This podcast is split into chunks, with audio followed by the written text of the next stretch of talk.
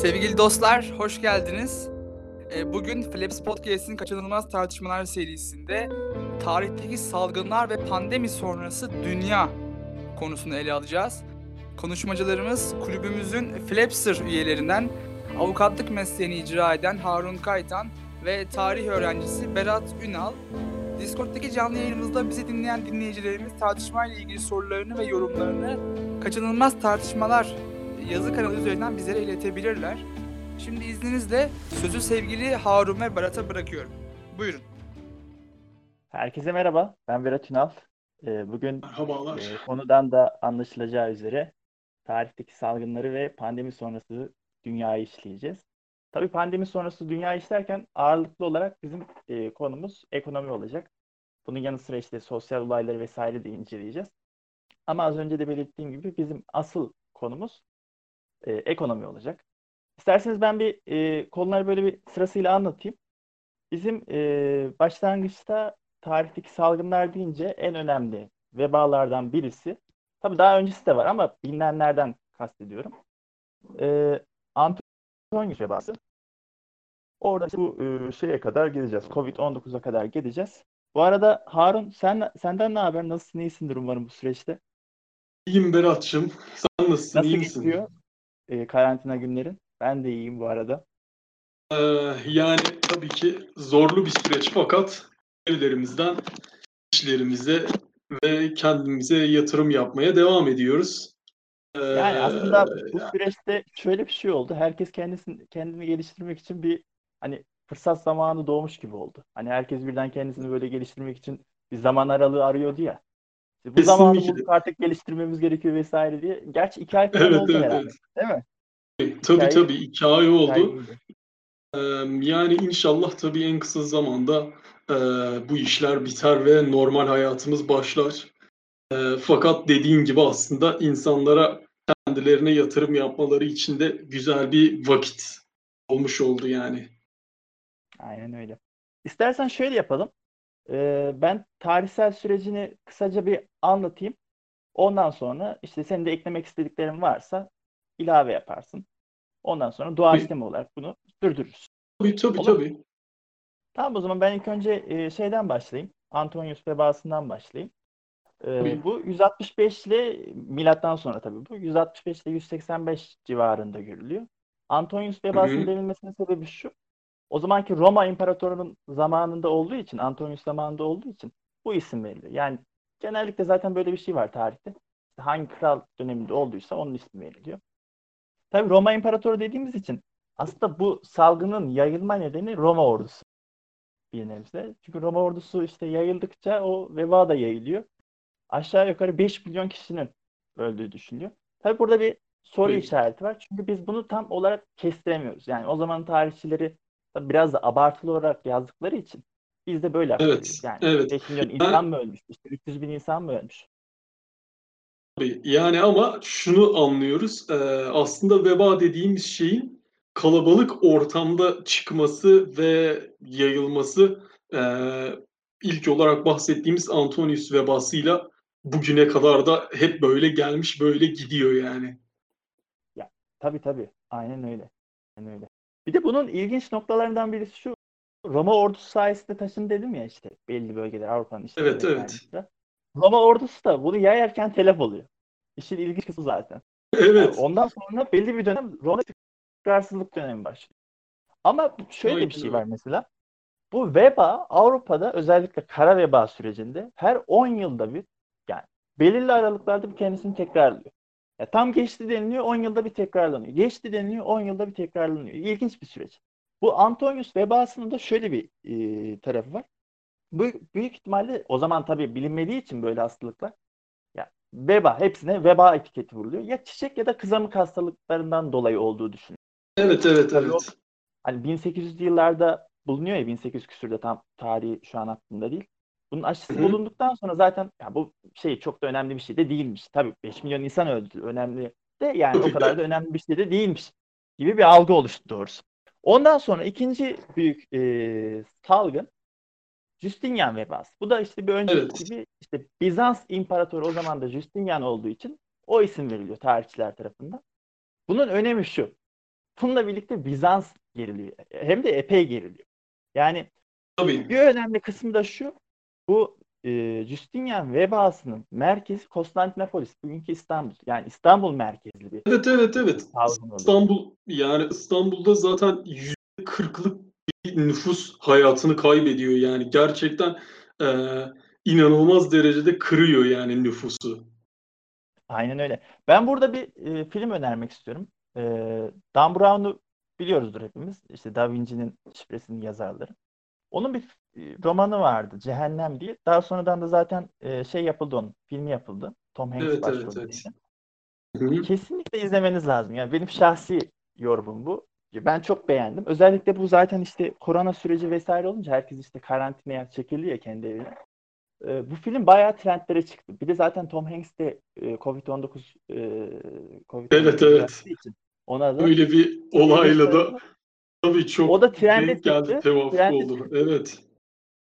Ben de izledim. Kesinlikle izlemeniz lazım. Aslında orada bunu anlatıyor. Hani çok spoiler vermeyeyim ama hani e, Evet. orada da böyle bir yapay biyolojik olarak bir virüs oluşturmaya çalışıyorlar ve onu İstanbul merkezinden yaymak istiyorlar. Bu arada spoiler vermedim. Bu fragmanda da olduğu için sonradan linç etmeyin Tabii beni. tabii. Bunun bir önemli noktası da şu Harun. E, ya 20 25 milyon kişinin öldüğünü düşünüyor. Çünkü İstanbul merkezde olduğu Evet. için diğer Akdeniz kentlerine de yayılıyor. Aşağı yukarı 25 milyon insanın öldüğü düşünüyor. Bakteri Berat bu kaynaklı 25 büyük milyon.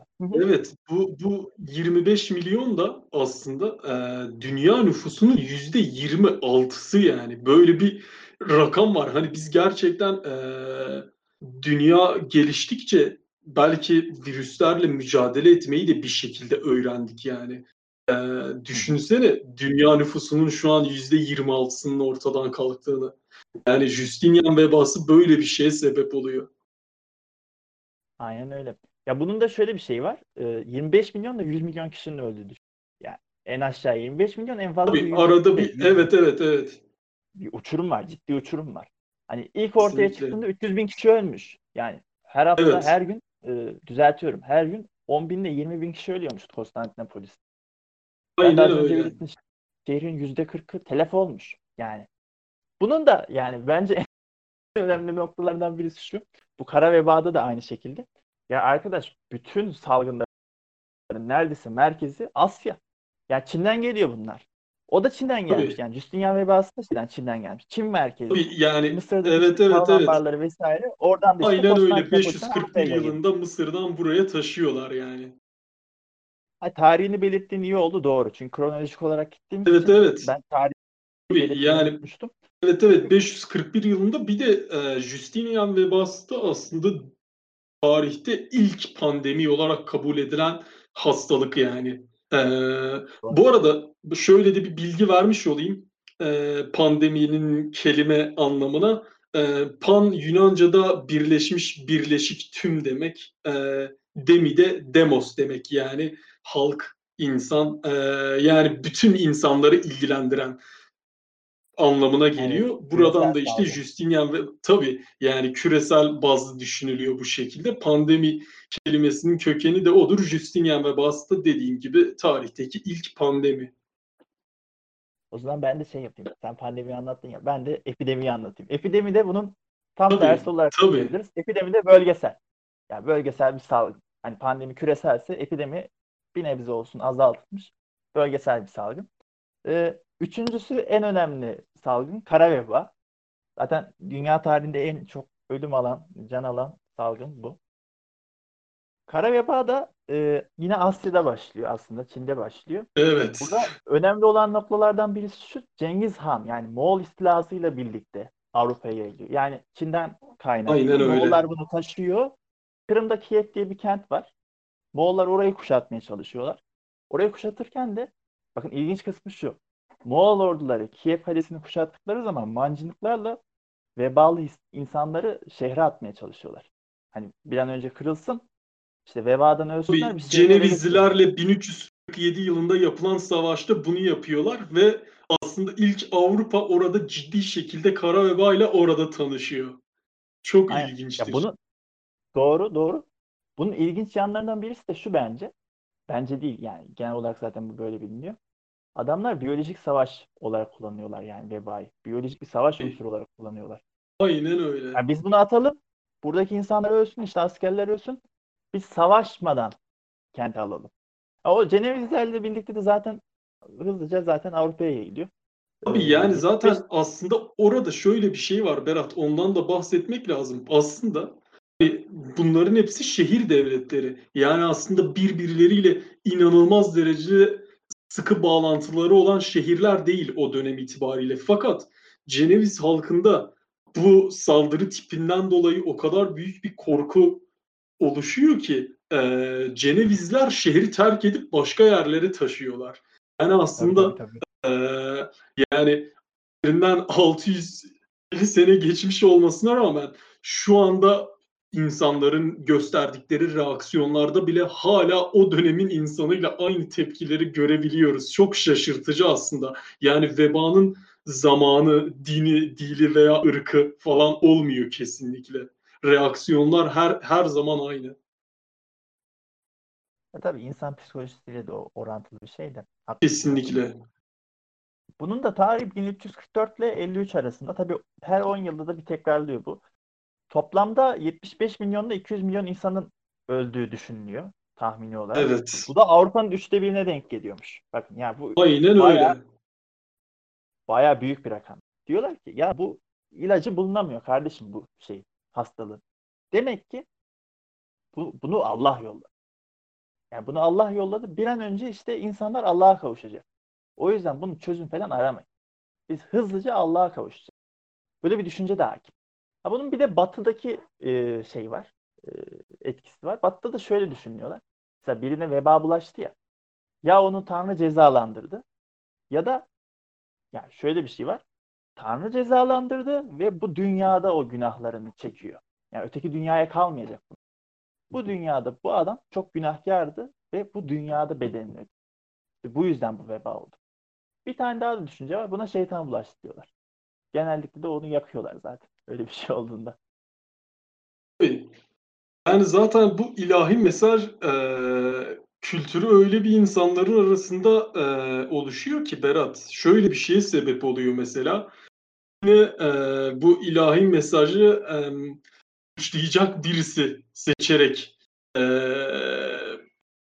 reaksiyon gösteriyor insanlar. Orada şöyle bir şey oluyor. Mesela Yahudileri e, siz kara vebanın sebebisiniz diyerek katletmeye başlıyorlar. Çok ilginç bir şekilde.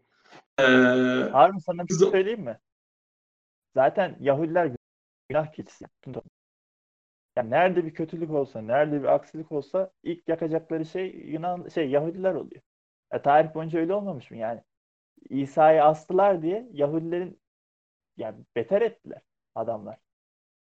Yani hep günah keçisi Yahudiler oldu. Bir şey bir olumsuzluk olunca zaten Yahudiler azınlık oldukları için bir azınlık psikolojisi de var. Yani çoğunlukla her zaman onları suçladılar. Bu kara veba sürecinde dediğin çok doğru yani.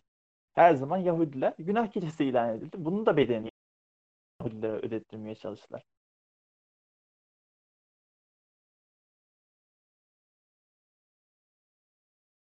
Berat'cığım yine sesin gitti. Öyle mi? Sesim mi gitti? Tamam. Ya şunu demek istiyordum. Ee, birazdan şöyle yapacağız. Şöyle şöyle yapacağız. Ee, şimdi aslında biz o ses kaydımızın kesildiği yerden bir tekrardan almamız gerekiyor. Ee, biz en son işte bu Avrupa'nın işte bir nüfusunun azalması ve daha sonra e, bunun Cenevizler tarafından tekrardan e, Avrupa'ya yayılmasını bahsettik. E, şöyle bir şeye sebep oluyor. Bahsettiğin gibi az önce de o ilahi mesaj kısmında. Yani bu ilahi mesajın e, insanlar tarafından çok ciddi toplumsal reaksiyonlara sebep olduğu bir dönem geçiriyor Avrupa. Burada şöyle bir şey oluyor. Bahsettiğin gibi yani Yahudiler yakılıyorlar, e, öldürülüyorlar. Gerçekten çok ciddi problemlerle karşılaşıyorlar tarihte bir kez daha. E, Yahudiler hatta burada işte onlara ya siz vaftiz olarak Hristiyan olacaksınız diyorlar ya da e, öldürüleceksiniz. Başka türlü onların yaşamasına müsaade edilen bir ortam bırakılmıyor. Tabii aynı zamanda sadece insan değil hayvanları da bir bakıma suçluyorlar. Ee, hı. Kediler mesela. Evet. Onu da bahsedebilirsin sen. Ya kedileri de yakıyorlar işte 10 milyonlarca kedi vesaire ölüyor. Ya tarihe sadece hani e, savaştı ondan sonra ekonomi olarak da bakmamak lazım. Tarih sadece bunlardan ibaret değil. İşte şu tarihte şu kral tahta çıktı, şu tarihte işte kralı indirdiler, şu tarihte şu isyan çıktı vesaire. Bunlar aslında hani siyasal tarih de olsa tarih bunlardan ibaret değil. Yani tarihin merkezinde Kesinlikle. insan vardır. İnsan ne yaptıysa tarihtir tabii önemli olarak. Yani her insanın yaptığı her şey de tarihte değil bu arada. Yani öyle bir algı çıkmasın da. Yani Aynen böyle öyle. şeyler de önemli. Ya sosyal olarak yaşanan şeyler de çok önemlidir tarihte. Yani, aksi Yani- takdirde zaten bunları o yani yüzyıllarca yazmışlar başından beri yani şu tarihte bu oldu kronolojik olarak vesaire. Bizim hani ileriye dönük bir mesaj bırakmak gerekirse de hani insanı merkeze alan bir tarih anlayışını oluşturmamız lazım. Yani oluşmadıktan zaten sonra hala devam eder. Eski tas eski hamam. yani hani sadece her şeyi tarihte savaşlar şekillendirdi. O toplum gidip onun toprağını ilhak etti falan. Hayır yani aslında bu tip em, vebalar, hastalıklar, em, aynı zamanda ekonomik buhranlar aslında tarihi esas yapıda şekillendiren şeyler bunlar oluyor Berat her zaman. Aynen öyle. Aynen öyle. Tabii İstersen farelerden bahsediyorduk en son. Yok bu fareler fareleri- mevzusunu bahsetmek lazım. Farelerde şöyle bir şey oluyor Berat.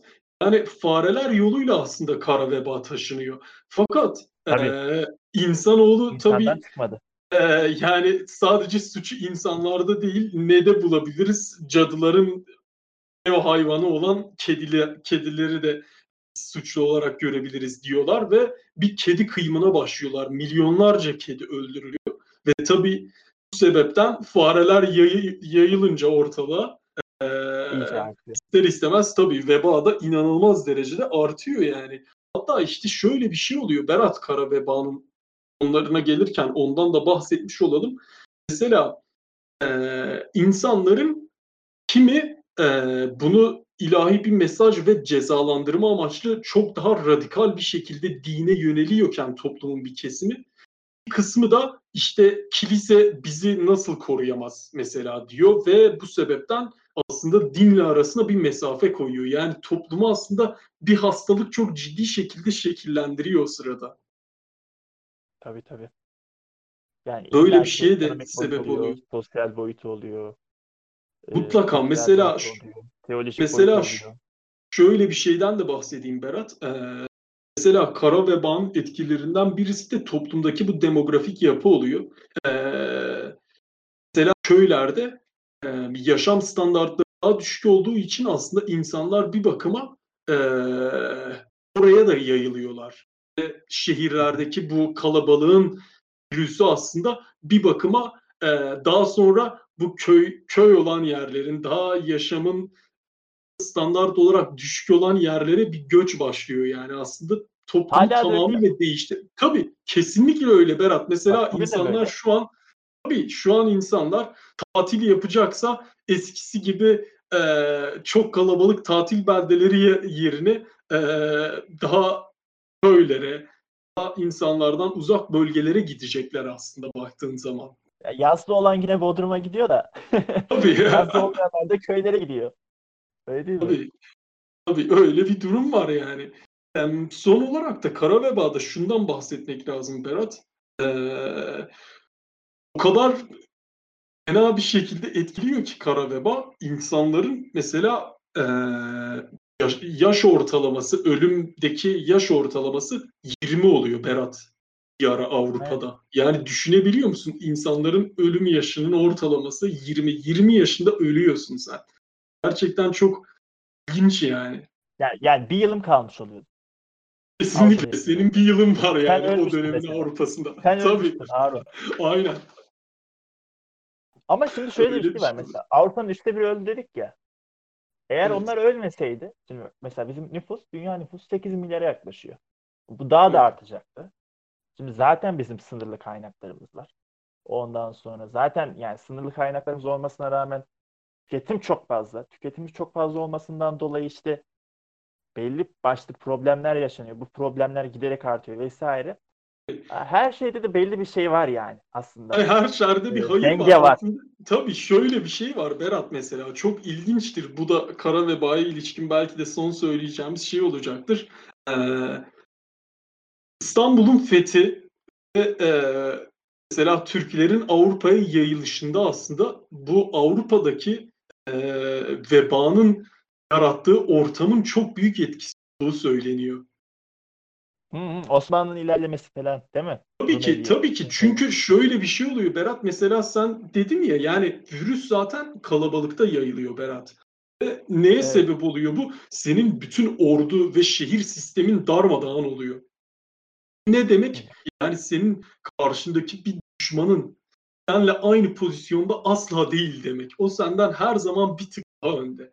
Yani zaten aslında Osmanlıların, Türklerin bundan faydalanmamış olması imkansız tarihsel süreçte. Bu da böyle ilginç bir olay yani. Aynen öyle. Ee, istersen şeye geçelim. Koleraya geçelim. Ondan Tabii. sonraki e, küresel salgın olarak. Kolera da. Hindistan merkezli bir salgın. 1852 Aynen öyle. 1860 yıllarında e, yaşanıyor. 300 bin ila 1 milyon kişinin öldüğü düşünülmekte. Ama koleranın da işte yine Avrupa'ya vesaire de yansıması oluyor Hindis- Hindistan merkezli olsa da. Oralarda da insanlar ölüyor. Ama tabii o yıllarda hani tıp daha geliştiği için artık hani vebaya göre kıyasladığımızda çabuk etki edilebiliyor aslında. Hani bunun daha fazla insanı öldürmemesinin nedenlerinden biri de bu. İnsan nüfusunun Tabii. nedenlerinden biri de bu. Hani tıp arttı ki böyle salgınlara karşı bizim elimiz güçlendi. Mücadele salgınlar- gücümüz arttı tabii. E, mücadele gücümüz arttı. İnsanlar ölmedi. Sen mesela az önce ne dedin? İnsanların ömrü 20 yaşındaymış. Yani oraya kadar inmiş. Şu an kaç? Tabii. 75-80 hatta bunun artacağı düşünülüyor. Yani o zamanlara göre kıyasladığında acayip bir fark var. İstersen bir de griplere değinelim kısaca. Burada da iki tane önemli grip var. Birincisi Asya gribi ya da Rus gribi olarak geçiyor. Ee, 1 milyon kişinin öldüğü düşünülmekte. Ee, influenza kaynaklı bu da. Ee, O da şehirleşmenin yine Rus ordusu içinde yayılma gösteriyor bir bakıma. Tabii tabii aynen aynen öyle.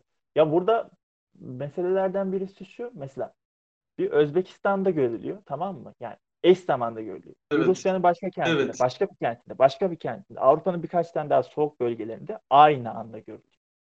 Ya bunu da şöyle yorumluyorlar. O zaman işte e, dinin etkisi daha fazla olduğu için toplumsal yaşamda işte e, Rusya kötü bir şey yaptı ki ya da toplum çok kötü bir şey yaptı ki Tanrı bizi cezalandırıyor. Görüyor musunuz? Aynı Evet. zamanda gibi bir algı da oluşuyor. Bir de İspanyol gribi var. İspanyol gribi çok garip. Yani aslında İspanya'da çıkmamasına Aslında- rağmen İspanyol gribi Tabii. diyoruz biz. Amerikan merkezli Tabii. olmasına rağmen. Yani İspanyol gribi de bu arada hemen yani anlatmadan önce ondan bahsetmiş olalım. Yani pandemilerin, bu virüslerin, vebaların en ağır oluyor aslında. Dünya en ağır bedeli İspanyol gribiyle ödüyor. Hı hı. Aynen öyle. Evet. Ya bu da şöyle bir şey. e, İspanyol gribinin İspanya'da şey e, İspanyol gribinin İspanyol gribi denmesi nedenlerinden biri de şu. O zaman biliyorsun 1918 ile 20 arasında görülüyor bu çok etkin bir şekilde. Evet. 1918 Birinci Dünya Savaşı'nın son yılları. 10 yılı tabii. Amerikan merkez Amerikan merkezli dediğim için Amerika'da savaşa giriyor. Bir de İspanya Avrupa'da tarafsız. Ve bu Tabii. haberleri İspanya'da yapılıyor. O yüzden İspanya. Evet evet evet. Aynen öyle. Bunun Çünkü eee, Buyur ilave et. şey gazetelerde çünkü sansür uygulandığı için eee, Tabii tabii. Zaten tamamen halklar savaşı yönlendirilmek isteniyor. Bu sebepten eee, savaş esnasında böyle bir virüs yayılmış olmasına rağmen, böyle bir veba olmasına rağmen, grip daha doğrusu, eee, bunu gazeteler sansürlüyorlar. Senin de ifade ettiğin gibi sadece İspanya eee, tarafsız ve Avrupa'da sadece haberi bir pandemik unsur ve insanların bundan ötürü çok e, zor şartlar altında kaldığını söyleyen ülke İspanya oluyor yani. O yüzden İspanyol gribi diyoruz. Bunun başka bir etkisi de şu Harun. Ee, senin de bildiğin gibi bu grip sayesinde Alman ordusu iniliyor. Tabii yani Fransız, İngiliz, Alman, şey, Amerikan ordusu da etkileniyor ama Almanya'nın yenilme nedenlerinden biri bu ordusu kırılıyor yani. Kesinlikle. 18 ile 20 arasında 18 ile 20 arasında da 20 milyon ile 50 milyon kişinin e, öldüğü düşünülüyor. Tabii tabii sen Ama- Alman ordusu dedin mesela Berat. Ben bizim ordumuzla ilgili sana çok ilginç bir bilgi vereceğim. Bizim ordumuzda 400 bin askerimiz eee, bundan ötürü şehit oluyor. Yani düşünsene cephedesin ve yani düşmanla vuruşmadan 400 bin asker ölüyor yani. Öyle bir duruma evet. olmuş aslında. Yine yani orduda yine kalabalıkta yayılıyor İspanyol gribi. Evet. Doğru, doğru. Ben bir tablo attım doğruluk payının. Ee, bu araştırmayı yapmadan önce çok güzel hazırlanmış bir tablo işte. Tarihten günümüze kronolojik bir şekilde e, belli başlı e, salgınların ve griplerin işte tablosunu hazırlamış doğruluk payı. Onu da Discord'un ilgili bölümüne yükledim. E, detaylı Evet. olarak bakmak isteyenler oradan bakabilir. E, onu da değinmiş olayım. Bir de e, AIDS virüsüne değineceğiz en son olarak. Ardından zaten şeye değineceğiz. Şimdi Ebola. İspanyol gribiyle ilgili tabii bahsetmemiz gereken bazı şeyler daha var. Aslında şöyle Tamam, bir şey var varsa buyur. Tabii yani İspanyol gribinde aslında yani ülkelerin burada e, ödediği bir bedel var. Aslında şöyle bir şey oluyor. Ülkeler o kadar savaşa odaklılar ki kesinlikle umursamıyorlar ve asla halka böyle anlatma gibi bir dertte gitmiyorlar. Veyahut herhangi bir uyarı veya hastalığa ilişkin bir önem falan sınırlı yani devletler açısından. Hal böyle olunca öyle bir yayılım gösteriyor ki yani insanlar bunun önüne geçemiyorlar. Hatta şöyle bir şey daha söyleyeceğim sana mesela e, rakam olarak. Zaten bu İspanyol gribi Amerika'nın New Mexico eyaletinde çıkıyor. Ve 675 bin kişi ölüyor Amerika'da. Yani düşünebiliyor musun rakamı? Yani o zamanın nüfusuyla. Bu nüfus mesela e, Amerika'nın o dönem için yüzde 28'i oluyor Berat. Yani bir şey İspanyol gribine yakalanan kişi sayısı. Amerika'nın yüzde 28'i. Yani düşün dörtte birinden daha fazla. Hepsi İspanyol griple. Ve 675 bin kişi ölüyor. Tabii toplamda da inanılmaz e, ölüm rakamlarına sebep oluyor İspanyol gribi. Aynı zamanda şöyle bir şey söyleyeceğim sana. E, iki çok çok önemli kişiden bahsedeceğim. Birincisi filozof Max Weber. E, herkesin bildiği gibi. O mesela İspanyol gribinden ötürü vefat eden kişilerden birisi. Diğeri de Evet, evet. Gazi Mustafa Kemal Atatürk. Ee, Mustafa Kemal Atatürk de e, Sultan Vahdettin'le beraber bir Almanya gezisi yapıyorlar. Ee, oradan dönüşte hastalığa yakalanıyor ve Beşiktaş'taki evinde İspanyol gribini yeniyor. Sonra tabii grip e, Mustafa Kemal Sa- Samsun'a çıkmadan önce hazırlıklarını yaptığı sırada yine kendisini buluyor o düşmanlarını yendiği gibi hastalığı da yeniyor bu kez. İkinci kez hatta. Ee, ve sonrasında da Samsun'a çıkıyor, yol alıyor. Ee, gerçekten bu da çok ilginç bir anekdot yani. Mustafa Kemal'in de yakalanmış olması ama yenmiş olması. Ya Türk ordusunda elbette çok fazla kişi buna yakalanıyor. Sen ilginç e, bilgiler verdin. Ben de ilginç bilgiler vereyim bari. ben de iki tane Evet, şeyden evet. bahsedeyim o zaman. Ee, bir dans epidemisi var. Belki duymuşsunuzdur. Dans epidemisi. Bunun tarihçilerin uydurduğu da düşünülüyor. Hani bazı gerçeğe Evet. yakın e, bulgular da var bununla ilgili. Bu şöyle bir şey. Birden insanlar dans etmeye başlıyor. Dans ediyor, dans ediyor, dans ediyor. Ya ölene kadar dans ediyor yani. Sürekli hareket ediyor, sürekli hareket ediyor. En sonunda da hareket belli bir noktadan sonra da ölüyorlar. Bu dans epidemisi. Evet. Yani milyonlarca insan ölüyor yine Avrupa'da bunlardan. Etkilenen insanlar çok fazla. Bu da e, yine o zamanki gibi hani dinin etkisi fazla ve vesaire dedik ya. Bir Tanrı'nın Tabii. cezası olarak gören bir kesim de var. Bir de ya bu insanların yediği mantarlardan dolayı da olmuş diyenler de var doğrusu. Hani yedikleri ürünlerden dolayı Evet evet evet. tesir falan etmişti. Bu yayılmıştır diyenler de var. Bir de uyku hastalığı var. Bu da aslında İspanyol gribine 3 aşağı 5 yukarı aynı tarihte. Yani İspanyol gribi 1918'de çıkıyor. Bu 1917'de çıkıyor. Ee, bunda da insanlar normal bizim gibi, herkes gibi uyuyorlar. Ama uyuna, uya- uyanamıyorlar işte. Problem o. Tabii. yaklaşık 1 milyon kişinin öldüğü düşünülüyor. Ee, Evet. istersen senin eklemek istediğin başka bir şey yoksa ACE, Yani Yani geçebiliriz. aslında şey İspanyol gribiyle çok inanılmaz bir rakam olduğu için onu ifade etmek istiyorum son olarak. Hindistan'da Tabii. 17 milyon kişi ölüyor Berat. Düşünebiliyor musun rakamı? Yani 17 milyon. O dönemki Hindistan nüfusunun %5'i Berat bu rakam. Gerçekten yani hani öyle ağır bedeller ödemiş ki ülkeler. Ee, alt üst olmuşlar gerçekten. Hani zaten Birinci Dünya Savaşı'nın bitmesindeki en büyük etken de bu e, İspanyol gribi. Çok ilginçtir yani. Savaşı sonlandıran nedenlerden birisi yani bu da. E, fark etmişsindir Harun. Her büyük böyle pandemi sonrası sağlığa verilen önem giderek artıyor ama. Yani bu Kesinlikle. da artacak gibi. Kesinlikle gerçekten de çok kesinlikle. önemli bir sektör yani. Bunun Tabii tabii önemli kesinlikle. Yani hani ama insanlar tabii o kadar e, zorlu e, bedeller ve zorlu süreçler geçiriyorlar ki insan gerçekten böyle hem anlatırken hem okurken hem dinlerken veya izlerken e, birden o, o zamanki insanların halini bir düşünmeden edemiyor. Düşünsene yani şu anki Türkiye nüfusunun beşte biri o dönemin Hindistan'ında ölmüş Berat yani. Hakikaten çok ilginç. Evet. Mesela sen şey dedin ya yanlış hatırlamıyorsam 400 bin kişi etkilendi değil mi bizim orduda? Öldü. Evet evet. İspanyol Öldü, gribinden öldü. ötürü. Tabii tabii tabii. O zaman 400 Türkiye'nin bin. nüfusu yaklaşık 11 milyon. Yani vurduğun Düşün zaman yani. bizimki de Evet. yüksek Tabii bir rakam. inanılmaz bir rakam yani. Hani Böyle bir şeye sebep oluyor. Mesela bizim o dönem e, 59 bin kişi de Berat yakalanmış virüse. Bu bilgiyi İlber Ortaylı aktarıyor. İspanyol gribini. 59 bin kişi yakalanmış ordu dışında. Mesela çoğu e, hastalığın yarattığı etkilerden ötürü müdahale dahi edilemeden zaten ölmüşler yani. Öyle bir şey söyledi hocamız. Evet, İspanyol gribiyle alakalı. Doğru, doğru. Evet, istersen şimdi AIDS'e geçebiliriz. AIDS'e Ya da geçebiliriz tabii. E, deniyor. 1977 yılında ilk defa görülüyor. E, halen devam etmekte. İşin ilginç Tabii. kısmı bu. Yaklaşık İlacı e, yok.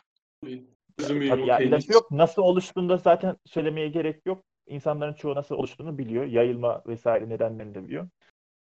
1,5 Tabii, milyon bin- insan öldüğü düşünülüyor. Yaklaşık Şu ana kadar, 1,5 tabii. Evet yani Evet. hala da Evet, ilacı evet, da evet. yok. bunun. Tabii. İlacı da yok bahsettiğin gibi. 1,5 milyon insan her yıl ölüyor bundan dolayı. Şimdi Evet. buralar falan kıyasladığımız zaman ya da Ebola ile aslında bu bizim virüsler, yeni çıkan virüsler çok düşük. Ee, sabah şeye baktım. Güncel olsun diye sayısına baktım. Koronada dünyada ölen insan sayısı 277 bin. Şu ana kadar. Ha, bunun tabii ya ikinci dalga riski vesaire var. Onu tabii programın ikinci kısmında daha detaylı olarak anlatırız ama hani geçmiş salgınlarla e, Yahut hala mücadele ettiğimiz salgınlarda tabii ki yani bizim mücadele gücümüz çok yükseldi gerçekten. Evet, aynen öyle. Yani AIDS'te de evet. Ben de top. Ee, 25 milyon 35 milyon kişinin öldüğü düşünülüyor. Ben bir film daha önereceğim size. Philadelphia diye bir film var. Yine Tom Hanks'in oynadığı. Orada da işte e, aslında senin de izlemen lazım Harun. Bu da avukatlık mesleğiyle ilgili de bir önemli filmlerden biri. Müsait olduğunda sen de izle Philadelphia. İsterseniz Tabii, ben bunu mutlaka, mutlaka. sonradan paylaştırırım. Evet evet evet. Paylaşalım mutlaka. Ee, çok önemli bir virüs aslında bu da. Yani ilacının olmamasından dolayı. Hala insanlar Evet. ölüyor ya. Bu anlamda hala önem taşıyor yani. Zaten AIDS aslında 55 yıl, 60 yıldır insanlığın başında olan bir şey. Yani senin de ifade ettiğin üzere eee, AIDS cinsel yolla bulaşıyor. Hatta aslında başta Afrika'nın belli başlı eee, bölgelerinde eşcinsel erkekler arasında yayılıyor. Fakat sonrasında mesela eee, iğne yoluyla Eşcinsel uyuşturucu hasta diyorlar. Tabii tabii yani iğne e, yoluyla uyuşturucu alanlar ar- arasında da yayılmaya başlıyor ve zaten hani bir şekilde bunlardan ötürü yani böyle önüne geçilemez bir hale geliyor bir yerden sonra. Ve yani umarım en kısa zamanda bunun e, çözümünü bulurlar ve insanoğlu bir virüse karşı daha zaferini alır yani. Doğru, doğru. Diğer virüslere de böyle kısaca hani ne zaman çıkmış, kaç kişi öldürmüş tarzında değinmek istiyorum. Ondan sonra Ondan sonra diğer kısma gideceğiz zaten. Ee, SARS var. 2002 ile 2003 e, yıllar arasında görülüyor. 770 kişi ölmüş. İlginç. Bu da koronavirüs tarzında bir e, bakteri yoluyla çıkmış. Domuz gribi. Domuz gribi yıllarını ben hatırlıyorum. O zaman ama çocuktuk biz o zamanlar. Tabii tabii. Aynen. Ya şimdi şöyle domuz gribi de önemli bir krizdi. Aşağı yukarı bak 200 bin kişi ölmüş zaten. 2009 ile 2010 yıllar arasında görmüş. 200 bin kişi ölmüş. Aşağı yukarı şu anki sayıyla benzerlik taşıyor. Şu anki sayıda zaten koronadan ölenlerin sayısı 277 bin. Ama Evet. böyle bir şey yoktu yani. Sokağa çıkma yasakları vesaire işte Tabii karantina tabii tabii. süreçleri. Ya biz hala okula giderdik Berat o Okula giderdik, aynen öyle ya. yani. Tabii. Hayat devam ediyordu. Aynen zaman. öyle. Şey de vardı. Onu da hatırlarsın. Kuş gribi vardı bir ara. Tabii tabii tabii. Kuş gribinde de hani ya dünya ekonomisi böyle bir elbet elbet hani borsa bakımından tavuk ya da yumurta sektöründe belli bir düşüşler yaşanmıştır ama şu anki gibi bir ekonomi etkisi olmadı. Şimdi geçmişteki kesinlikle. salgınlarla kıyasladığın zaman hani son hadi 100 yıl bilemedim 200 yılı aldığımız zaman gerçekten koronavirüsün Covid-19'un ekonomiye etkisi, sosyal yaşama etkisi felaket. İnanılmaz boyutlarda. Tabii tabii tabii. Kesinlikle. Ee, Ebola 2014 2016 yılları arasında yoğun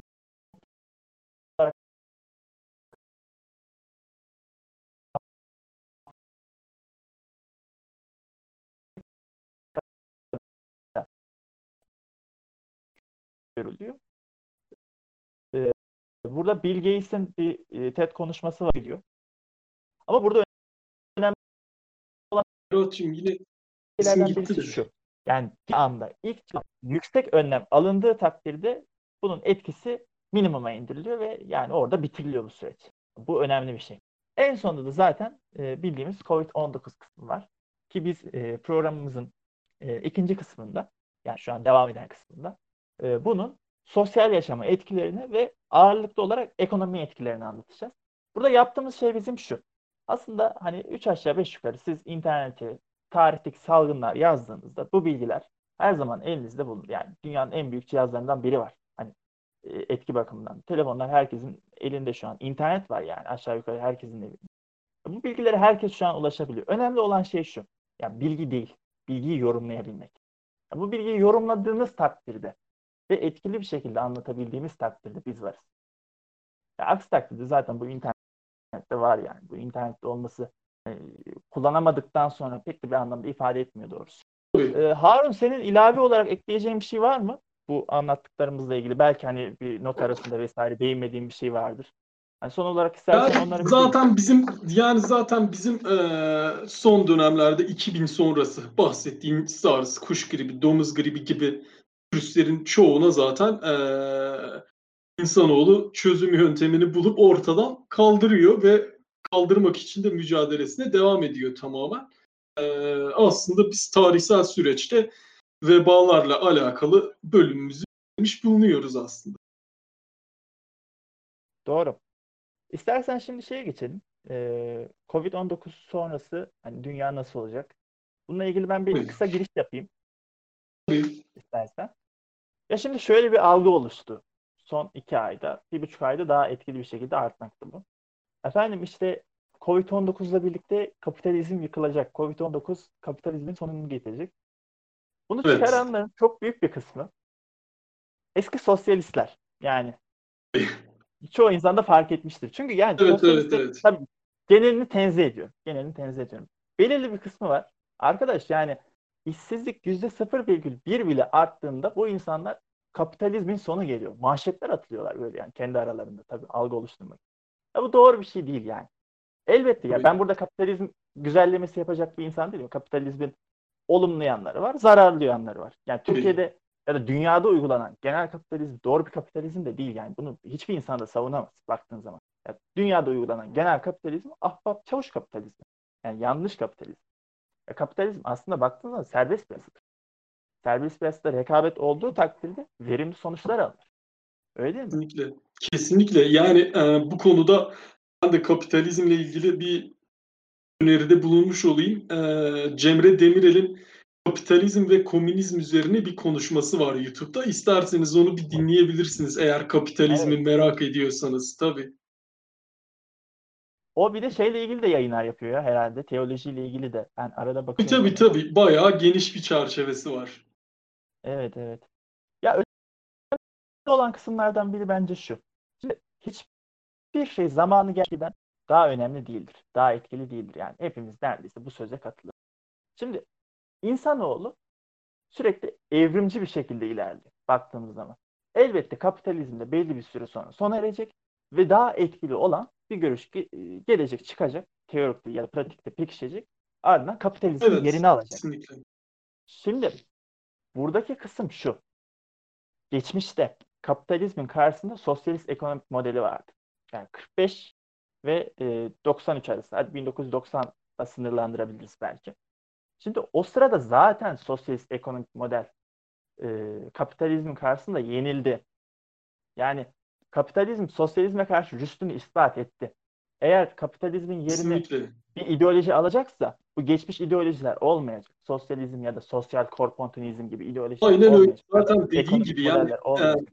aslında o insanoğlunun evrimleşme süreci sadece kendisi üzerinde değil, yaşayış biçiminde, ekonomisinde de etkili oluyor. Yani şu an için aslında objektif bir gözle baktığımız zaman Berat, e, tabii ki de bahsettiğin gibi doğru kapitalizm e, insanoğlunun ekonomik açıdan, ekonomi yönetimi açısından ulaşabileceği en üst mertebe. Ve bunu da bahsettiğin gibi 90'larla beraber kesinlikle onu kanıtladı yani. Yeni bir şey gelmeli bunun yerine. Virüs e, kapitalizmi ortadan kaldıracak iddiası e, aslında böyle komünal ve sosyalist bir e, mesela dönüşüm yaşanacağına için iddialar çok e, hayalperest diyebileceğimiz bir Ya şey şöyle aslında. aslında Harun, şöyle aslında e, kapitalizmin yıkılma riski var. Ya yok diyemeyiz. Bunu söylemek tabiri caizse aptallık olur. Elbette var. Ama bunun ihtimali düş- düşük bir ihtimal şu an süreç, süreç içerisinde. Elbette yani kapitalizm de çökecek. Eninde sonunda çökecek ve onun yerine yeni bir ekonomik model alacak. Her şeyin Ama- olduğu gibi evet. Aynen öyle. Her şeyin olduğu gibi. Ama bu evrimsel bir süreç içerisinde olacak yani. Ve az önce de belirttiğim gibi yani eski modeller alamayacak. Yani çünkü kapitalizm rüşt ispat etti onlara karşı. Bakın bugün hala e, 90 89'da Varşova Paktı yıkıldı. 93'te de Sovyetler Birliği dağıldı ama 90'lardan itibaren diye alabiliriz. Çünkü Gorbaçov'un bazı reformları falan oldu Sovyetler Birliği'nde. Tabii. Neyse hala sosyalist devletler var dünyada. Ne gibi mesela? Venezuela gibi, Küba gibi, Kuzey Kore gibi. Efendim Çin gibi. Ama orada bir hani bir soru işareti ve bir ünlem koymak lazım. Çünkü Çin'deki e, sosyalizm bazı noktalarda Amerika'dan daha sert bir kapitalizm. Yani Çin'deki sosyalizm tam anlamıyla bir sosyalizm değil. Evet. Çin'deki bir devlet kapitalizmi dersek doğru bir yorum olur. E, Cidden yani bazı noktalarda Amerika'dan daha sertler. Kapitalist noktadan, işçi hakları vesaire o konularda daha sertler. Bir de şöyle bir şey var yani ya sosyalizmde kaynak varsa herkese eşit miktarda adil yani güzel bir şekilde dağıtılıyor. Sosyalizm yaşanan ülkelerin çoğu yoksul ülkelerde oldu. Yani bugün Fransa'da sosyalizm oldu mu? Paris Komünü'nü dışarıda tutuyorum. O kısa bir süreç. Ya İngiltere'de sosyalizm oldu mu? Sosyalist devrimler oldu mu? Oralarda olsa tamam. Refah olur. Niye? Çünkü ref- şey var. Belli bir ekonomik güç var. O halka dağıtılacak. Bakın 1917 Bolşevik de- devrimi Rusya'da oldu. Rus Çarlığı'nda oldu. Rus Çarlığı'nda sanayileşme yoktu. Hatta orada da işte ayrı bir tartışma vardı. Mesela Marx'ın öngörüsüne göre, Karl Marx'ın öngörüsüne göre devrim e, sanayileşmiş toplumlarda olacak. Fakat Rusya'da oldu. Rusya'da Ama tam yok. Evet. Aynen, Aynen öyle. öyle. Ve yani çok da iyi de bir sosyalizm yaşanmadı baktığımız zaman. Yani ya, ütopik olarak hayal edilen asla ulaşılamadı. Ama hedeflerine Evet. de ulaşılamadı. Ya, ulaşılamadığı için zaten Sovyetler Birliği dağıldı. Ha, Çin'de efendim şu an şeyler dönüyor. İşte Çin ileride dünyanın süper gücü olacak, ekonomide geçecek. Olabilir ben bilemem. Onu kestiremeyiz. Ama Çin'de uygulanan da yani e, Marx'ın öngörüsündeki bir sosyalizm değil. Çinliler onu biraz Kesinlikle. değiştirdi. Çinliler değiştirdiği için zaten bugün Amerika ile rekabet edebiliyor Çin. Aksi takdirde rekabet edemezdi. Yani Küba gibi olurdu. Veyahut işte efendim Sovyetler Birliği gibi de olabilirdi. Yani bahsetmek istediğim şey şu. Bakın Venezuela örneği var sosyalist ekonomik modellerde. Yani adamların çok ciddi anlamda petrol geliri var. Ama sosyalist ekonomik model e, özellikle Sovyetler Birliği'nin dağılmasıyla birlikte dünyada iyice içe kapanık bir model olduğu için bu insanların işte dünyadaki ekonomik anlamda yüksek gelirlere sahip ülkelerle ticaret neredeyse sıfıra yakın. O yüzden her zaman her zaman demeyeyim düzeltiyorum. Sosyalizm bu anlamda yoksulluk getiriyor. Ya var olanı paylaşsak o da olmuyor. Çünkü o ülkelerde sosyalizm olmadı. İngiltere, Fransa'dan bahsediyorum. E, yoksul ülkelerde zaten sosyalizm işte görüyoruz örneklerini. Yani gelip de bunu işte kapitalizm karşısında yeniden çıkacak, yeniden güçlenecek demek bilmiyorum. Ben doğru bulmuyorum şahsen. Kesinlikle zaten e, hani şöyle bir şey var Berat. E, senin az önce ekonomiyle ilgili yaptığın yorumların tümünde aslında realist bir bakış açısı var. E, yani realist bakış açısı zaten bu ekonomik modellerde veya ekonomik dönüşümlerde insanların olayı değerlendirirken benimsemesi gereken bakış açısı. E, çünkü şöyle bir şey oluyor. İnsanlar sürekli senin az önce de ifade ettiğin gibi yani hani olmayanı bölüşme niyeti var mesela insanlarda. Bu sana Doğru, gelişkin hiçbir şeyi sunmuyor. Hani sadece sen aslında hayalperest bir e, ekonomik model hayal etmeye başlıyorsun belki bir süreden sonra. Oysa tıpkı senin bahsettiğin gibi e, eğer günü geldiğinde kapitalist sistem ortadan kalkacaksa bu e, işte virüs sonrası dünyaya sosyalist akımlarla yeni e, projeler sunacak iddiası gibi olmamalı. Çok daha gelişkin, çok daha e, akla yatkın, realist değerlendirmeler sonucu söylenmesi gereken şeyler lazım bize arada, aslında ekonomik e, model olarak.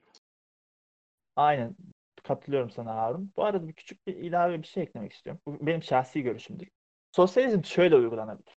Sosyalizm küçük toplumlarda uygulanabilir. Eğer o toplumda refah varsa, oradaki insanlar bilinçliyse sosyalizm evet oralarda uygulanabilir. Ama çok büyük toplumlarda uygulanması ya pratikte imkansıza yakın. Özellikle sosyalizmi komünizme dönüştürmek o imkansız. Zaten hiçbir zaman komünizme geçilemedi de. Çünkü yani komünizme Aynen öyle. için e, şöyle komünizme geçilmesi için sosyalizm zaten bir ara form. Yani insanlar o komünist bilince ulaşacak ki komünizme geçilecek sosyalizm esnasında. Bir de şöyle bir ilave de yapayım. Komünizme geçilmesi için tam yanlış hatırlıyor olabilirim. Hani dünyadaki ülkelerin ya da toplumların en aşağı %60'ı, %70'i sosyalist e, modellerle yönetilmesi lazım ki o bilince ulaşmaları lazım ki ayrıyeten emperyalist ülkelerin de etki oranı neredeyse sıfıra yakın olmalı ki komünizme geçilsin. E bu Tabii. olmadığı için tarihte de hiçbir zaman komünizme geçilememiştir. Hani bazıları şey diyor ya işte Kuzey Kore'de komünizm var, işte Çin'de komünizm var. Bu yanlış. Bu doğru bir tabir değil. Oralarda sosyalizm var tartışmalı olarak. Hani bunu da bir belirtmek lazım. Evet, yani ki bundan sonraki süreçte de aslında dediğim gibi o real politikada biraz zor görünüyor. Senin bahsettiğin gibi en azından mesela o e, sosyalist veyahut komünist sistemler dışında yönetilen ülkelerin böyle yüzde otuz gibi diğerlerini etkilemeyecek bir banda çekilmesi bir kere şu an için baktığımızda imkansız yani. Ya kapitalizmin ana kaynağı gerçekten insan. Bak nasıl insan aç gözlüyse kapitalist ekonomik model de bunu teşvik ediyor. Yani insandaki aç gözlülüğü bitiremediğiniz sürece kapitalizm kolay kolay yıkılmaz. Ya kapitalizm format değiştirir. Yeni bir ideoloji çıkar, ekonomik model çıkar. Bunu devam ettirir. Belki bir nebze azaltabilir, başka şeyler de koyabilir. Ama yani kapitalizmin yıkılmasının ana nedenlerinden bir yani yıkılacaksa insanın açgözlülüğü bitecek. İnsan doyumsuz bir varlık. Yani insan diyecek ki Yani- yarabbim demesi lazım. İnsanoğlunun da- doğasını da tabii yani- ne kadar dönüştürebiliriz tabii. Tabii yani. Hani az önce örnek verdim ya sosyalizm evet uygulanabilir küçük toplumlarda işte belli bir bilinçli gruplarda oluşabilir. Ona ben, ben, ben bir şey diyemem. O oluşabilir. Ama dünya genelinde bunu yapmak zor. Dünya genelinde kapitalist ekonomik modelin zaten avantajlarından biri şu. Siz çok fakir dahi olsanız yani ağzınızda diş dahi olmasa kapitalizm size şunu sunuyor. Diyor ki yarın bir gün sen de CEO olabilirsin. Bakkal olsanız diyor ki bak Sabancı zamanında işte bakkal olarak çıktı. Holding sahibi Tabii. oldu. CEO oldu. Sen neden Tabii. olmayasın? İşte sosyalizmin bu avantajı yok. tartışılır o ekonomik model kendi içerisinde. Çok ayrı bir tartışma yani. Aslında bu Hatta belli gün bir- Kesinlikle. Hatta ekonomik modelleri o- konuşmamız lazım. bu bahsettiğin e, şey vardı ya e, işte bir gün sen de Sabancı olabilirsin. Benim Evet. burada çok yani net insanlara önerdiğim bir kitap var. Ayn Rand'ın Atlas Silkindi kitabı. Bu kitapta da e, ana karakter bir sanayici adamdır ve gerçekten çok yeteneklidir ve insanlara gerçekten de yatırım yapar. E, ve onu bitirmeye çalışırlar. Çünkü onun zekasında ve malında gözü vardır. Aslında Ayn Rand objektif objektivist bir insan ve e, çok net şekilde evet kapitalizm bizim ulaşabileceğimiz en yüksek mertebedir savunmasını Atlas Silkindi kitabında e, harikulade şekilde aslında kendini e, anlattığı sistemde çok mükemmel bir kitap yazmış ve bunu sunmuş insanlara yani ben onu öneririm insanlara bir okumalılar mutlaka. Belki O zaman ben de- kapitalizmin belki de kitap kapitalizmin öneririm. o e, yıkıcı ya da yamyam gözüyle görünen yüzü belki birazcık daha insanlara hani o ekonomideki realistlik dedik ya belki birazcık daha onu görebilecekleri bir roman yani. Ben de bir kitap daha önereyim o zaman. Sen kitap önerdin ya. Piketty'nin, e, Thomas Piketty'nin 21. yüzyılda Kapital diye bir kitabı. Fransız iktisatçı Thomas e, Piketty. E, ben de bu kitabı öneriyorum. Ekonomi 101'i falan bilmesi lazım. Belli bir insanın okuması için. Hani not ala ala yavaş yavaş sindire sindire okurlarsa hani ekonomi gerçeklerini bir nebze olsun hani algılayabilirler diye düşünüyorum. Ben de böyle bir kitap önermesinde bulunayım. Ee, bir de ben şunu eklemek istiyorum Harun. Şimdi Covid-19 sonrasında şunu biz anladık ki sosyal devlet gerçekten çok önemli. Yani sosyal devletin olmadığı toplumlarda özellikle burada e, Amerika'da bu çok gözlemlendi. Avrupa'nın bazı ülkelerinde gözlemlendi. Süreç iyi yönetilemiyor. Yani sosyal devlet gerçekten önemli bir şeymiş. Devletin yani gerektiğinde vatandaşına sahip çıkması gerekiyormuş. Ben bu sürecin sonunda sosyal devletin güçleneceğini düşünüyorum. Yani sosyalizm vesaire e, kapitalizmin yerini alacağı sıra daha realist bir şekilde benim kendi çıkarımım, öngörüm sosyal devletin bu süreçten sonra daha da güçlenecek. E, bilmem sen Yani aslında bir bakıma de böyle kesinlikle mı? kesinlikle haklısın. Şöyle bir şey oluyor Berat. Ee, devletle halkın arasındaki e, bağ belki yeri gelirse kimi devletteki düzene göre uçurum e, çok daha e, azaldı. İnsanlar devletle olan bağını aslında çok daha yakından hissetmeye başladı ya da edeceği bir şikayet varsa gerçekten o edilecek şikayetin e, nedeni bu kez çok daha hayati oldu. Hal böyle olduğu için sosyal devlet politikaları zaten istemez e, çok üst düzeyde e, gündeme gelecektir. Tabii tabii tabii. Ya bir de şey var, e, istersen onu da konuşabiliriz. E, bu Covid-19'un Türk ekonomisine yansımasını da konuşabiliriz tabii eğer istersen.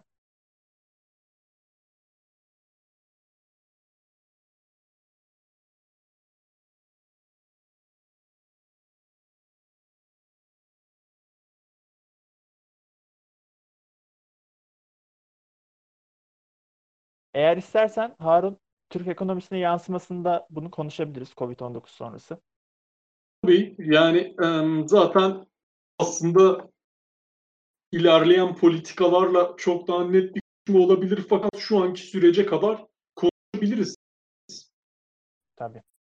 Ben burada birkaç veri sizlere paylaşmak istiyorum. Covid-19 ile ilgili. IMF Ni- Nisan ayında bir rapor yayınladı. Dünya ekonomilerine dair. Burada Amerika'nın yüzde e, 5 virgül yaklaşık yüzde 6 küçüleceği düşünülmekte. Türkiye'nin ise normalde yüzde 3 büyüyeceği tahmin edilirken yüzde 5 civarında küçülme yaşanacağı düşünülmekte. Aynı şekilde Almanya'nın yüzde 7 küçül- e, küçüleceği düşünülmekte. Evet. Birleşik Krallığın yüzde 6,5. Fransa'nın yüzde 7,2. Bakın bunun bir de Avrupa'ya yansıması olacak. Sosyal hayatta olduğu gibi bir de bir de politik hayatta da yansıması olacak. Kesinlikle zaman. yani yeni bir düzen aslında kendini kuracak tekrardan bu virüs sonrası. Ya tabii hem öyle bir de şimdi baktığımız zaman bir mülteci problemi dahi ya Avrupa'da çok fazla mülteci yok bizde kıyasladığımız zaman. Tam Almanya'da Kesinlikle. diğer Avrupa ülkelerine göre kıyasladığımızda biraz fazla olabilir ama yani Avrupa'nın geneliyle bizi kıyasladığımızda gerçekten çok az yani Avrupa'daki mülteci nüfusu. Evet evet. O kadar az mülteci nüfusu olmasına rağmen bakın rağmen aşırı sağ yükseliyor. Aşırı milliyetçilik yükseliyor. Popülistler geliyor. Yani orada öyle bir trend var şu an Avrupa'da. Bunun Amerika'da da yansıması var elbette. Bir de yani bunun ekonomik boyutu e, süreç sonrası daha rahat, e, daha sert bir şekilde hissedildiğinde bunun politik hayata yansımaları da ağır olacak gibi gözüküyor. Aynı zamanda Kesinlikle. işsizlik oranlarına bakmamız lazım. IMF yine aynı raporunda işsizlik öngörüsünde bulunmakta. Yani 2020'nin sonuna doğru Amerika'da işsizliğin %10,4'lere çıkacağı düşünülmekte. 3,5'tan e, 10,4'lere çıkacağı düşünülmekte. Normalde 2019 yılında e, şey Amerika'nın 3,7 civarındaydı işsizlik Evet. oranı. IMF demiş ki 2000-2019'da şey 3,7'den 3,5'e düşecek ama işte bak süreç sonrası Covid-19 sonrası 10,4'e çıkacak. Biliyorsunuz Amerika'da seçimler yaklaşmakta. Kasım 2020'de Amerika'da seçimler olacak. Ben şöyle bir şey e, virüs her şeyi şekillendiriyor yani. Virüs Seçim her şeyi öyle. şekillendirecek. Aynen öyle. Yani yarın Amerikan başkanının değişmesi bile şu an virüsün eee önleminin işte artması veyahut ortadan kaldırılmasına bağlı bir bakıma. Ya aynen öyle.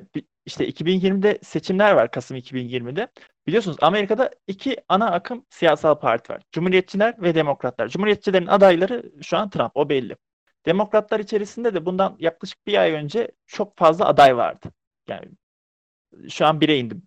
Joe Biden oldu. Barack Obama'nın başkan yardımcısı oldu ama Demokratlar içerisinde çok fazla aday vardı. Bu adaylar arasında da e, Demo- Demokrat Parti zaten Amerikan solunu temsil ediyor. Solun sol temsil eden Bernie Sanders vardı. Amerikan sosyalistleri olarak adlandırılıyordu onlar görüş olarak. Adamın savundukları şey şuydu bakın sosyalizm açısından. Bir düşünmenizi düş- istiyorum size. Bernie Sanders diyordu ki ya kardeşim diyordu Amerika'da sağlık, eğitim ücretsiz olması lazım. Yani baktığımız zaman aslında sosyal devleti vurguluyor burada. Ama Amerika'ya göre bu yani çok büyük bir tartışma konusu ve çok büyük bir istek. Bakın Amerika'ya göre. Bizde zaten bunlar ya doğal bunların hani tartışmaya açılması dahi saçma olarak görürüz biz. Ama Amerika'daki işte politik e, iklimle politik e, pratikle bizdeki çok farklı. Yani orada sosyal e, sos- sosyalizm hatta aşırı olarak gösterilirken bizde gayet doğal karşılanıyor. Aynı şekilde ben e, yine IMF'nin raporlarından e, şeyleri Türkiye'nin işsizlik raporunu e, anlatmak istiyorum. %13,7 bizim şu an açıklanan işsizliğimiz. Tabii bu biraz tartışma konusu. Çünkü hani e, TÜİK açıkladığı için orada da belli e, şeyler var. Soru işaretleri var. Tabii resmi olarak bunu söylememiz lazım. IMF %17,2'ye çıkacağını öngörmekte bu yıl işsizlik. Bunun da yani Türkiye'de ağır bir e, faturası kesilecek baktığımız zaman. Çünkü yani her ülke e, zor zamanlar için ihtiyat akçesi ayırır. Biz bu ihtiyat akçesini zor zamanlar için değil de genel anlamda işte belli amaçları karşılamak için e, demek ki harcamışız ve bunun da bedelini belli bir oranda ödeyeceğiz. Tabii bunu bunun bedelini her ülke ödeyecek. Yani bundan karlı olarak çıkacak hiçbir ülke yok baktığımız zaman. Kesinlikle. Ama şunu gayet net, ama şunu gayet net söyleyebiliriz. Zamanında ihtiyat akçesini biriktirip de şimdi doğru zamanda kullananlar bunu minimalize edecek bunun etkisini. Hem ekonomiye hem sosyal yaşama etkisini minimalize edecek. Bunu doğru zamanda kullanamayanlar, zamanında harcayan ülkeler ise bunun bedelini ödeyecekler. Hani hem sosyal anlamda hem ekonomik anlamda. Yani %17,2 işsizlik gerçekten çok büyük işsizlik. Ve bu resmi olarak yani 13,7 devletin açıkladığı resmi rakam. Bir de ya, ya biliyorsunuz e, hiç işsizlik başvurusu dahi bulunmayanlar var. Lanet olsun işte iş de bulamıyorum vesaire işte babasının yanında çalışanlar var sigortası olarak Türkiye'de bir sürü yer var yani. Kayıt dışı işsizler var, kayıt dışı çalışanlar var vesaire öyle. vesaire. Bu daha da arttırılabilir. Yani 17,2 deniliyorsa 17,2 değildir o. Yani Arif olan anladı benim ne demek istediğimi. Ee, ilaveten senin eklemek istediğin bir şey var mı Harun? Ee, ben bunları Yani doğru paydan aldım. Onların da istatistik raporlarını e, Discord kanalında paylaşayım. Çünkü nereden Tabii. aldığım belli olsun. Ben de şundan bahsetmek istiyorum son olarak. Ee, aslında bu pandemi e, ve şu an mücadele ettiğimiz Covid-19 e, insanoğlunun sürekli olarak üzerinde aslında denetimin ve baskının arttığı e, rejimlere evrilmesine de sebep oluyor. Bunu e, böyle ülkesel bazlı bir şey olarak söylemiyorum. Dünyanın tümü için böyle. Mesela en basitinden ki burada da yani örnek vermek yani şey e, öneri babında mesela e, George Orwell'ın 1984'ü. Bu bahsettiğim şeylere aslında çok müsait. Aynı zamanda mesela Hayvan Çiftliği kitabı da çok müsait buna. Dijital dünya bizim üzerimizdeki o denetimi arttırıyor. Ve her yerde kameralar, her yerde ateşi ölçerler. E, mesela yakın zamanda Berat e, bağışıklık pasaportu çıkacağından bahsediliyor. Yani sen Evet, evet. eee tabirimi tabii eee caiz görün. Hani adeta em, hastalıksız hayvanlara küpe takarlar ya. Tıpkı onun gibi. Hı hı. Yani bize de o bağışıklık pasaportunu verince evet işte eee, mesela X kişisi sen çok müsait bir insansın dünya içerisinde gezmeye diyecekler. Eee, zaten biz baktığımız zaman bu dijital ortam eee, yavaş yavaş mesela bahsettiğimiz bağış, bağışıklık pasaportunun Berat eee, uluslararası düzeyde olacağı söyleniyor. Eee, Evet. tip şeylerle de üzerimizdeki aslında denetim her geçen gün artıyor. Bu tip şeyler de aslında bu pandemi sonrası şekillenmeye devam edecek. Tabii tabii. Ya bunun bir de Türkiye'ye yansıması olacak. Az önce de belirttiğim gibi. Ya en basitinden mesela Türkiye'nin e, ekonomik gelirlerin büyük bir kısmı turizm sektöründen. Yani biz döviz üzerine olduğu için bizim e, ekonomimiz buradan geliyor. Döviz kaynaklarımızın bir de bu. Şimdi bu süreçle birlikte turizm kaynaklarında da epey bir azalma yaşanacak. Bilmiyorum bu süreçle birlikte hani geçse dahi e, tatile gelecek olanlar olur mu? Şahsen ben gitmezdim Tabii. doğrusu yani. Böyle bir şeydi. Yani maskeyle mi havuza bu girecek? bahsettiğim Berat'cığım bu bahsettiğim turizm aslında tüm dünya genelinde böyle. Mesela Fransa şu an çok ağır şekilde yaşayan ülkelerden birisi yine Covid'i. Ee, ve Paris'in mesela sadece Paris'in yıllık 93 milyon ziyaretçisi var Berat. Yani bu yaz gitti Evet, evet. ama 93 milyon düşünebiliyor musun rakamı? Yani bir Türkiye oraya gidiyor Paris'e sadece. Gidiyor ve geri dönüyor. Ee, Doğru. onun için çok doğru bir şeye değindin. Yani dünyada turizm sektörü aslında ekonomik anlamda paranın en çok döndüğü bir e, alanken her şeye vur- vurduğu gibi virüsün buna da ket vuracak yani. Evet. Çok güzel bir e, sohbet oldu Harun. E, ben açıkçası çok güzel bir verim aldım. E, sonuç Tabii. olarak birkaç çıkarımda bulunalım istersen. Ben şöyle bir not Tabii. almıştım. Ee, sonra. Pandemi sonrası yeni trendler oluşacak. Senin de dediğin gibi. Bu Avrupa'da aşırı e, sağın yükselmesi, popülizmin yükselmesi Tabii. E, olabilir. Ulusal devletlerin daha milli bir pozisyona çekilmesi kesinlikle. Kesinlikle olabilir. Ekonomik olarak hani e, biraz hayalperestlikten ziyade realist olarak bakmak lazım. Hani eski rejimlerin Evet. kapitalizmin yerini alacağından ziyade e, sosyal devletin e, daha da e, uzaktan çalışma metodu belki bu süreç sonrasında daha da tabana da yayılabilir. Hani ofis anlamında söylüyorum. Çünkü işçilerin uzaktan çalışması pek mantıklı değil. E-ticaret önem kazanacak gibi. Bilmem katılır mısın? E-ticaret önem Kesinlikle. kazanacak gibi. Zaten Ee, bir kazandığını şey da var. belli etti aslında Sağlığın- bu kadar sürede iki ayda. Doğru, doğru. Ve sağlığın Evet. genel bütçesi, genel bütçeden baktığımız zaman sağlığın payı artacak ve sağlık çalışanlarına önem giderek artacak diye ben düşünüyorum. Ee, senin de Tabii. ilave olarak son ekleyeceğin bir şeyler varsa alalım. Ondan sonra da kapatalım istersen. Yani eee, sana çok teşekkür etmekle beraber dinleyicilerimize de eee, kendilerine daha çok dikkat etmelerini, daha çok özen göstermelerini isteriz söyleriz. Bu kadar benim ekleyeceğim. Başka bir şey yoktur zaten. Her şeyi aslında genel olarak özet ettik senle. Tamamdır. Çok teşekkür ederim Harun bu sohbete iştirak ettiğin için. Teşekkür Bizim ederim. ortamı tanıdığınız için e, Plebs ekibine de çok teşekkür ederiz. Sağ olun, var olun. Kendinize iyi bakın. Çok teşekkür ederiz sevgili Berat ve Harun. E, tartışmayı burada noktalıyoruz sevgili dostlar.